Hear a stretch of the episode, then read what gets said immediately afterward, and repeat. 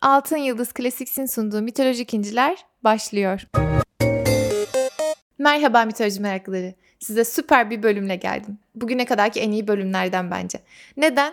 Çünkü bu bölümde hem yılan hikayesine dönmüş karmaşık ilişkiler, bu ilişkilerin arasında gizlenmiş Viking kültüründen parçalar bulacaksınız. Hem antik dönemde run harflerini büyülerde nasıl kullandıklarını öğreneceksiniz. Hem de yine edebi metinlerde geçen o zamanın bilgece öğütlerini dinleyeceksiniz.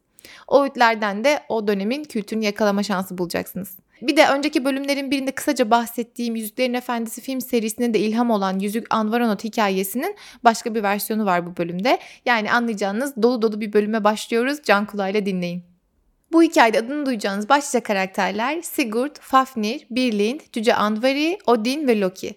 Sigurd bir önceki bölümden hatırlayacağınız kahraman Sigmund'un oğlu. Fafnir bir cüce. Spoiler vermiş olmayayım ama ileride başka bir şeye dönüşecek. Birlind Sigurd'un eşi.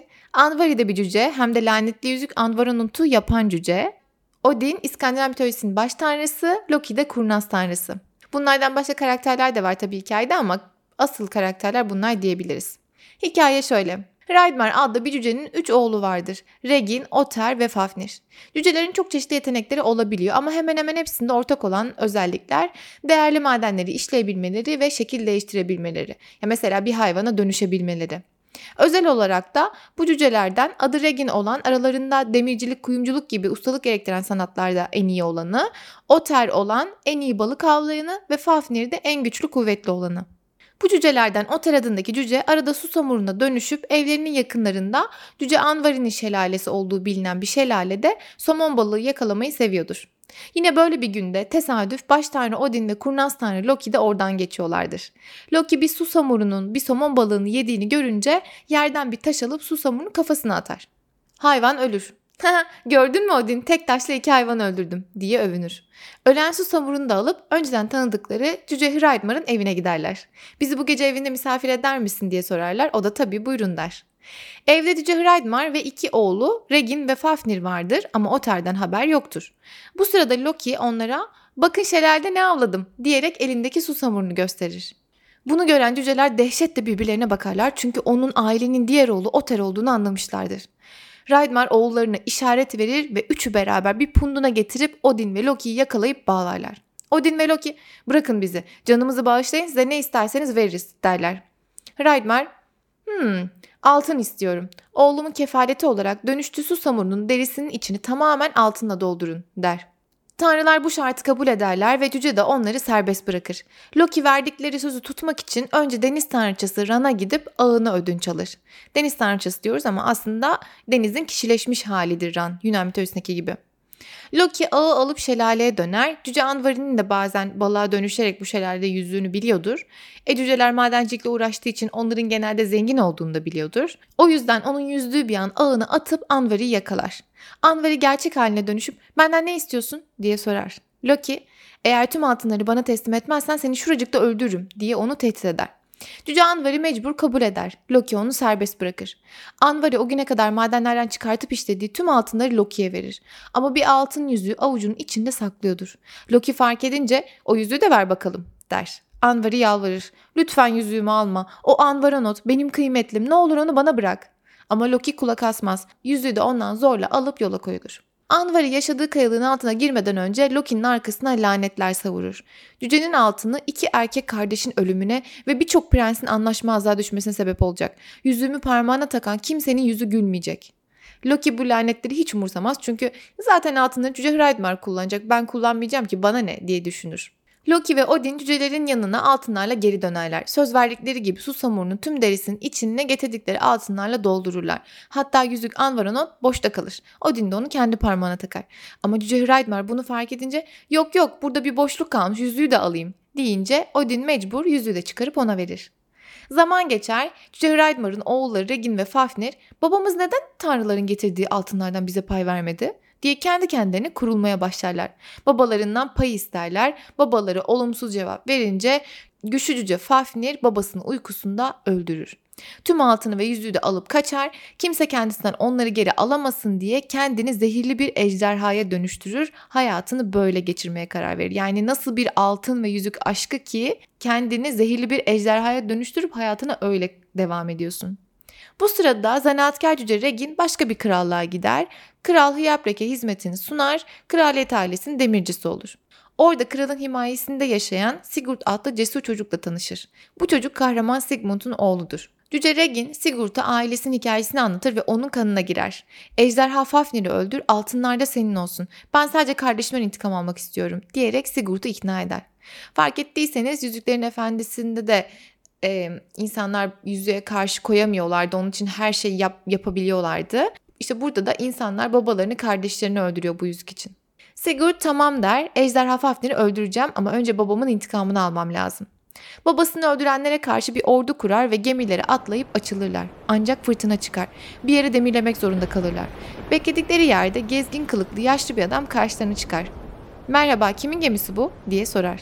Gemidekiler de bu gemi Sigurd'un komutasında. Peki sen kimsin diye sorarlar. Yaşlı adam cevaplar. Benim adım Nikar.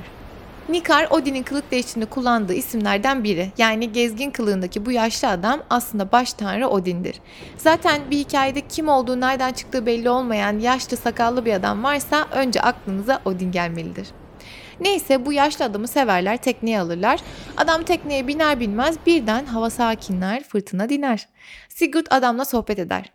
Sence savaşa giderken karşılaşabilecek en iyi alametler nelerdir? Adam cevaplar. Siyah bir kuzgun tarafından takip edilmek iyiye işarettir. Yolculuk sırasında şan şöhrete kafayı takmış iki kahramanla karşılaşmak iyidir.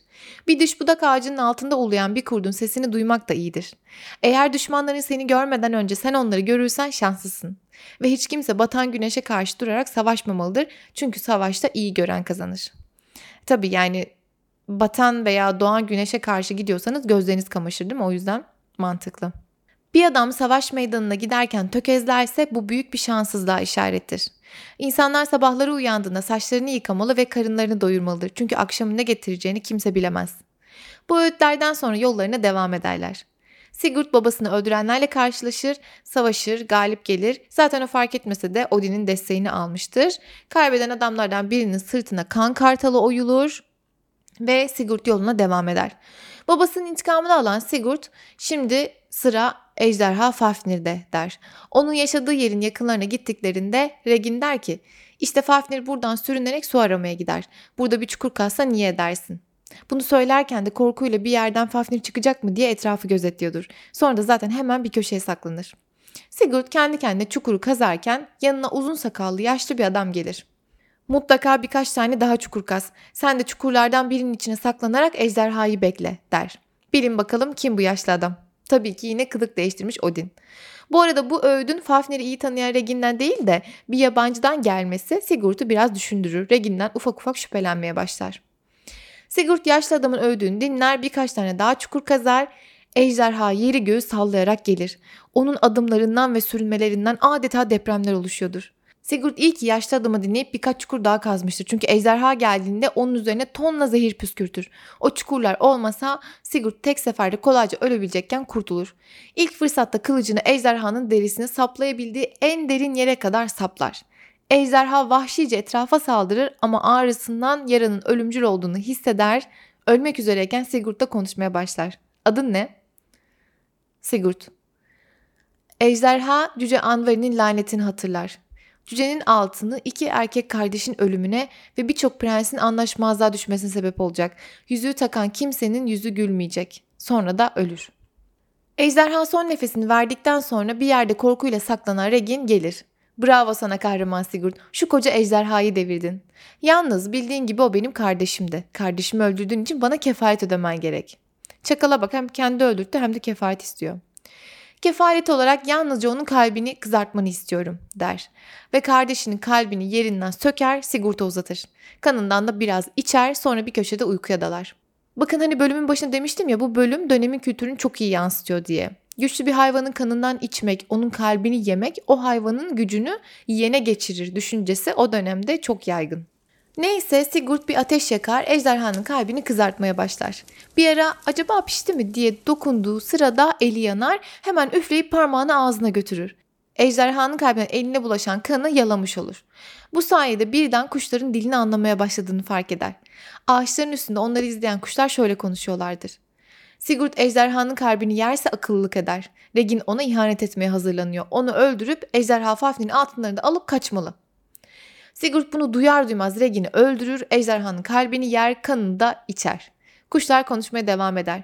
Sigurd'a şu dağın tepesine gitmek, orada ateşe çevrelenmiş salona girmek yakışır. Sigurd orada büyüyle uyuyan savaşçı kadını uyandırmalıdır. Sigurd kuşların dediğini yapar, altınları da alıp o dağa doğru yola çıkar. O günden sonra Sigurd Fafnirsbane yani Fafnir'in katili Sigurd olarak anılır. Hikayenin devamındaki uyuyan kız kısmını önceki bölümlerin birinde kısaca anlatmıştım aslında. Şimdi detaylı olarak Peter Andreas Manch'ın versiyonunu anlatacağım size. Sigurd kimsenin geçemediği o ateşleri geçmeyi başardığında bir sığınağın içinde zırhıyla uyuyan bir kadın görür. Bu kadın bir valküridir. Odin'le bir anlaşmazlığa düşmüş ve Odin'in onu bir ölümlüyle zorla evlendireceğini öğrendiğinde herhangi bir şeyden korkan bir adamla evleneceğimi ölürüm daha iyi diyerek kendini büyüleyip uykuya dalmıştır. Bir gün cesur bir adam o ateşleri geçip kendisine ulaşana kadar da uyanmayacaktır. Sigurd oraya gelene kadar birçok savaşçı oraya girmeyi denemiş ama başaramamıştır. Korkusuz Sigurd ateşlerin içinden geçip oraya ulaşınca kadın uyanır. Sohbet ederler. Sigurd kadına sen o kadar farklı diyarlar görmüşsün. Kim bilir ne çok şey biliyorsundur. Bana da anlat der. Kadın eline bal likörüyle dolu bir boynuz alır.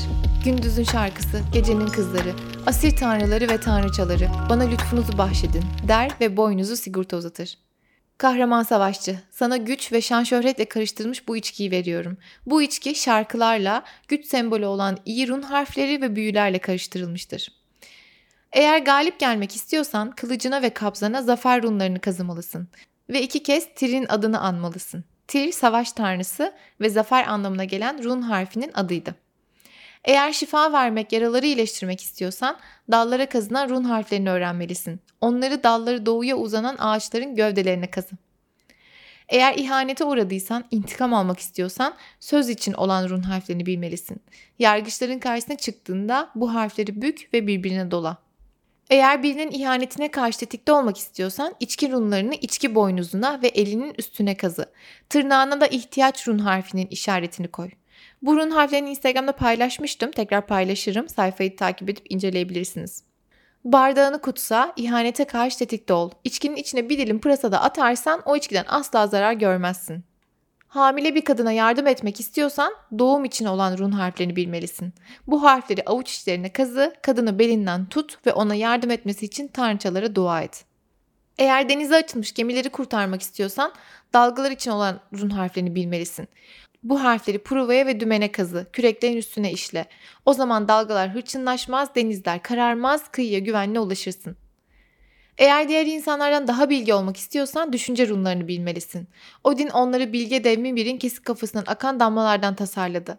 Bu harfler ışıldayan tanrının önündeki kalkana, güneş çeken atların kulaklarına ve toynaklarına, Odin'in savaş arabasının tekerlerine ve atı Sleipnir'in dişlerine, Odin'in mızrağına, ayıların patilerine, şiir tanrısı Bragi'nin diline, kurtların pençelerine, kartalların gagalarına, kanlı kanatlara, köprülerin başına, özgürlük veren ellere, şifa veren ayak izlerine, camlara, altınlara, tılsımlara, şaraplara, senin atının göğsüne, nornların tırnaklarına ve baykuşların gagasına kazınmıştı. Tüm bu kazınan run harfleri yerlerinden çıkarıldı, kutsal likörle karıştırıldı. Bir kısmı elflere, bir kısmı asir tanrılarına, bir kısmı vanir tanrılarına, bir kısmı da insan ırkına sunuldu. Bilgelik için kullanılan run harflerinden bahsetmişken size şık öğrencilerin dostu olan marka Altın Yıldız Classics'in bir projesinden ve bir kampanyasından bahsetmek istiyorum. Projenin adı Her Mağaza Bir Öğrenci. Her mağaza bir öğrenci burs, staj veya yarı zamanlı iş imkanı sunuyor. Ayrıca marka öğrencileri şirket içi eğitim ve etkinliklere dahil ederek onlarla şimdiden güçlü bir bağ kurmayı hedefliyor. İnternete detaylarını mutlaka araştırın. EduTR kampanyası ise öğrencilere alışverişlerine indirim sağlayan bir kampanya. EduTR uzantılı üniversite mailleriyle bölümün açıklamasındaki linke tıklayan öğrenciler tüm Altın Yıldız Classics mağazalarında %15 indirim kazanıyor.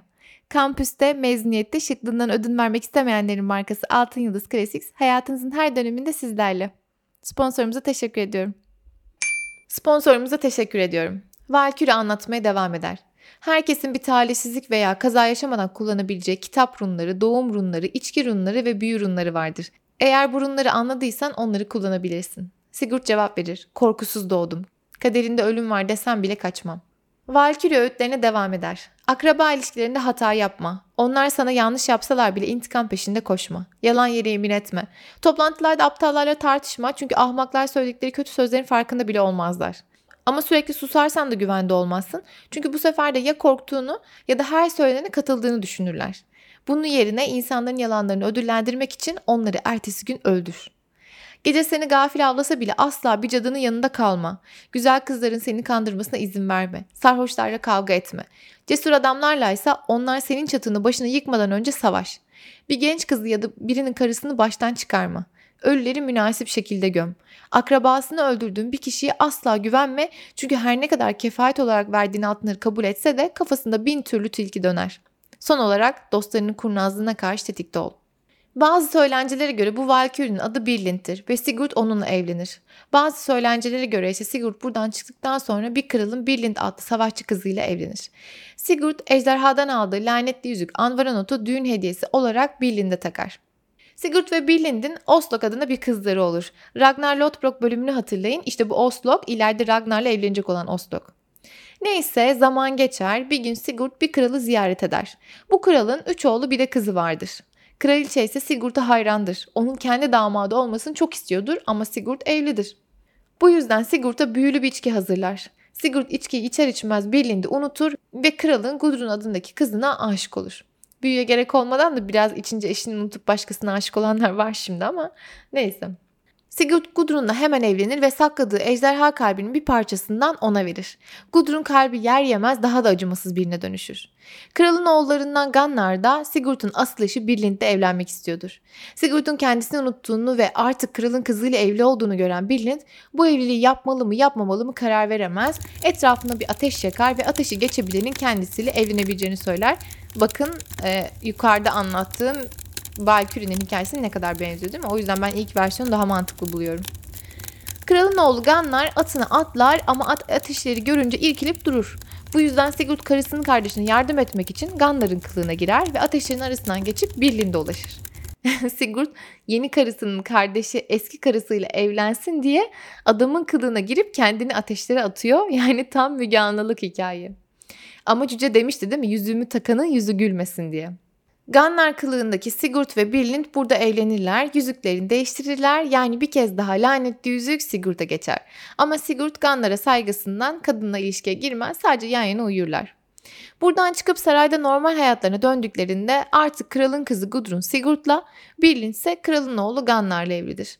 Ama Gudrun sürekli kocası Sigurd'la övünüyor, Birlind'e nispet yapıyordur. Bir gün nehirde yıkanırlarken Gudrun Birlind'e benim kocam seninkinden çok daha cesur. Kimse ejderha katili Sigurd'la yarışamaz. O yüzden ben senin yıkandığın pis suyla yıkanmamalıyım. Diyerek nehrin ileri tarafına yüzer. Birlin sinirlenir, onun daha da ötesine yüzer ve Ganlar benim için alevlerin arasından geçti. Sigurd böyle bir şey cesaret edemez diye kocasını savunur. Gudrun küçümseyerek güler. o alevlerin arasından geçenin Ganlar olduğunu mu sanıyorsun hala aptal? O Sigurd'tu. Seni kandırabilmek için Ganlar'ın kılığına girmişti der. Birlin çok geçirir. Sigurt'u kaybetmesi bir yana bir de kandırılıp korkak bir adamla evlendiğini öğrenince dünya başına yıkılır. Gudrun'a bağırır. Sigurt'u benden çalmanın bedelini sana çok fena ödeteceğim. Gudrun küçümsemeye devam eder. Gannar sana fazla bile. Birlind üzgündür. Gannar demek ateşlerin arasından bile geçemedi ha. Senin kocan benim kocamı gölgede bırakıyor demek. Bunu asla kabul edemem. Ben bu kandırmacayla yapılan evlilikte ne kadar mutlu olabilirsem sen de Sigurt'la o kadar mutlu olasın der. Bu olaydan sonra Billind büyük bir depresyona girer, yataklara düşer. Bu sırada Sigurd'un üstündeki büyü kalkmış ve Sigurd Billind'in onun asıl karısı olduğunu hatırlamıştır. Onunla konuşur. Gudrun'u bırakıp tekrar seninle evleneceğim. Lütfen toparla kendini diye onu ikna etmeye çalışır ama Billind gurur yapar. Kandırılmış olmayı ve korkak bir adamla evlenine küçük düşmüş olduğunu düşünüyordur. Yani o dönemin yargılarına göre. Birlind gidip kocası Gannar'ı kışkırtır. Bu kandırmacanın tüm suçlusu Sigurd. Hem beni senin kılığına girip kandırdı hem de bana aşkını ilan ederek sana ve kardeşine ihanet etti. Onu öldür der. Gannar buna hemen ikna olur ama kendi yapmaya cesaret edemez. O yüzden başka bir gençten yardım alırlar. Gence daha da cesaretlenmesi için yılan ve kurt etleri yedirirler. Çocuk Sigurd'u öldürür. Sigurd'un öldüğünü gören Birlind'in kahkahası her yeri çınlatır. Sigurd'u öldüren çocuğa şöyle seslenir. Tüm topraklarda ve insanların arasında uzun zaman neşeyle yaşayasın. Zira sen prenslerin en cesurunu yıkansın. Sonra herkese seslenir. Artık ben de çok yaşamayacağım. Çünkü sevdiğim tek kişi Sigurt'tu. Çaresizlikten ben artık bittim, tükendim. Ya burada biraz herkes öldürür sevdiğini havası var. Gunnar Billind'in tüm söylediklerine rağmen lütfen kendi bir şey yapma diye ona yalvarır ama Billind dinlemez. Kendini öldürmeye kararlıdır. Gunnar'a son isteğini söyler. Beni Sigurd'la aynı cenaze ateşinin üstünde yakın. Odunların etrafını örtüler ve kalkanlarla süsleyin. Sigurd'un tarafında tasımlarla süslenmiş hizmetkarlarımı da yakın. İkisini başından, ikisini ayaklarından. İki kuzgunumu da ateşe verin. Her şey onun istediği gibi hazırlanır. Sigurd ve Bilind beraber yakılırlar. Ruhları Hel diyarından geçerken bir dev kadın önlerine atlayıp yaşarken başına gelenlerden dolayı Bilind de alay eder. Bilind ise şöyle cevap verir. Yaşam çok uzun, kederle dolmuş kadınlar ve erkekler için. Ama biz, Sigurd ve ben, yaşayacağız bu hayatı birlikte, hem de gönülden.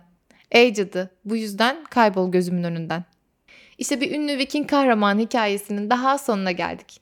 Mitolojik İnciler Instagram hesabında mitolojiyle ilgili ilginizi çekecek postlar, reels'lar paylaşıyorum. Takip etmeyi unutmayın. Altın Yıldız Classics Mitolojik İncileri sundu.